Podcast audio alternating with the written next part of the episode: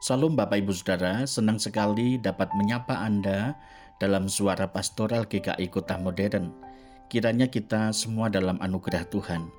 Mari kita berdoa. Tuhan Yesus kami bersyukur oleh karena anugerah-Mu mengubah hidup kami. Sehingga kami diberi kesempatan untuk menyaksikan kabar baik kepada semua orang. Dalam nama Tuhan Yesus kami bersyukur. Amin. Saat ini kita akan membaca Kisah Para Rasul pasal 22 ayat 10. Demikian bunyi firman Tuhan. Maka kataku, Tuhan, apakah yang harus kuperbuat? Kata Tuhan kepadaku, bangkitlah dan pergilah ke Damsik. Di sana akan diberitahukan kepadamu segala sesuatu yang ditugaskan kepadamu. Tuhan, apakah yang harus kuperbuat? Sebagai orang percaya, kita tentu setuju bahwa setiap kita dipanggil untuk menjadi saksi bagi Kristus memberitakan Injilnya. Secara kognitif hal itu mudah dan bisa kita terima. Namun kenyataannya, bersaksi bagi Kristus tidak semudah kita menerima teori dan dan berbagai metode yang telah kita pelajari.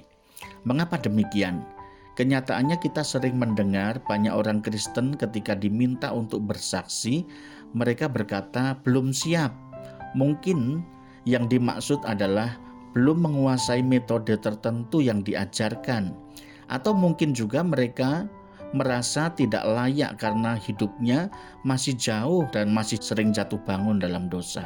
Apa pun yang menjadi alasannya, ternyata untuk bersaksi tidak segampang waktu kita mempelajari berbagai teori dan metode penginjilan. Jika demikian, lalu bagaimana? Bukankah sebagai orang Kristen salah satu tugasnya adalah bersaksi?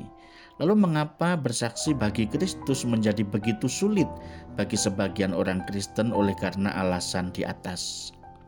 Coba kita belajar dari pengalaman hidup Paulus seorang yang dahulunya adalah penganiaya jemaat Kristen, namun kemudian selanjutnya ia adalah seorang yang berapi-api memberitakan Injil kepada bangsa non-Yahudi dengan melakukan pekerjaan misi ke belahan dunia barat, sehingga Injil tersebar luas dan banyak orang menjadi murid Kristus. Paulus menerima tugas untuk menjadi saksi Kristus juga dengan kebingungan, saudara. Peristiwa di Damsik itu begitu cepat dan pengalamannya berjumpa dengan Kristus itu yang berdampak mengubah kehidupannya. Dalam ketidaktahuannya ia bertanya, "Tuhan, apakah yang harus kuperbuat?" Dari pertanyaan ini, kita tahu bahwa Paulus tidak seperti 12 murid Yesus yang telah belajar kurang lebih tiga setengah tahun dengan dia mereka telah mengenal Yesus dan bersama-sama melayani banyak orang, menyaksikan mukjizat yang Yesus buat, dan itu menjadi modal bagi mereka untuk bersaksi. Tapi Paulus tidak memiliki pengalaman itu, maka ia bertanya kepada Tuhan, "Apa yang harus kuperbuat?" Saudara membaca kembali kisah ini membuat saya rasanya tidak harus khawatir tentang bagaimana cara saya harus menyaksikan Injil Kristus yang menyelamatkan. Sebab Paulus seorang misionaris besar itu pun memulai kesaksiannya dengan tidak tahu apa-apa. Paulus hanya perlu taat merespon panggilan Tuhan Yesus, mengenal Dia dalam pengalaman hidupnya, dan menyaksikan apa yang ia alami di dalam Kristus yang mengubah kehidupannya. Dan Tuhan yang membuat kesaksiannya itu berhasil sehingga kita mengenal dia sebagai rasul dan misionaris bagi dunia kekristenan.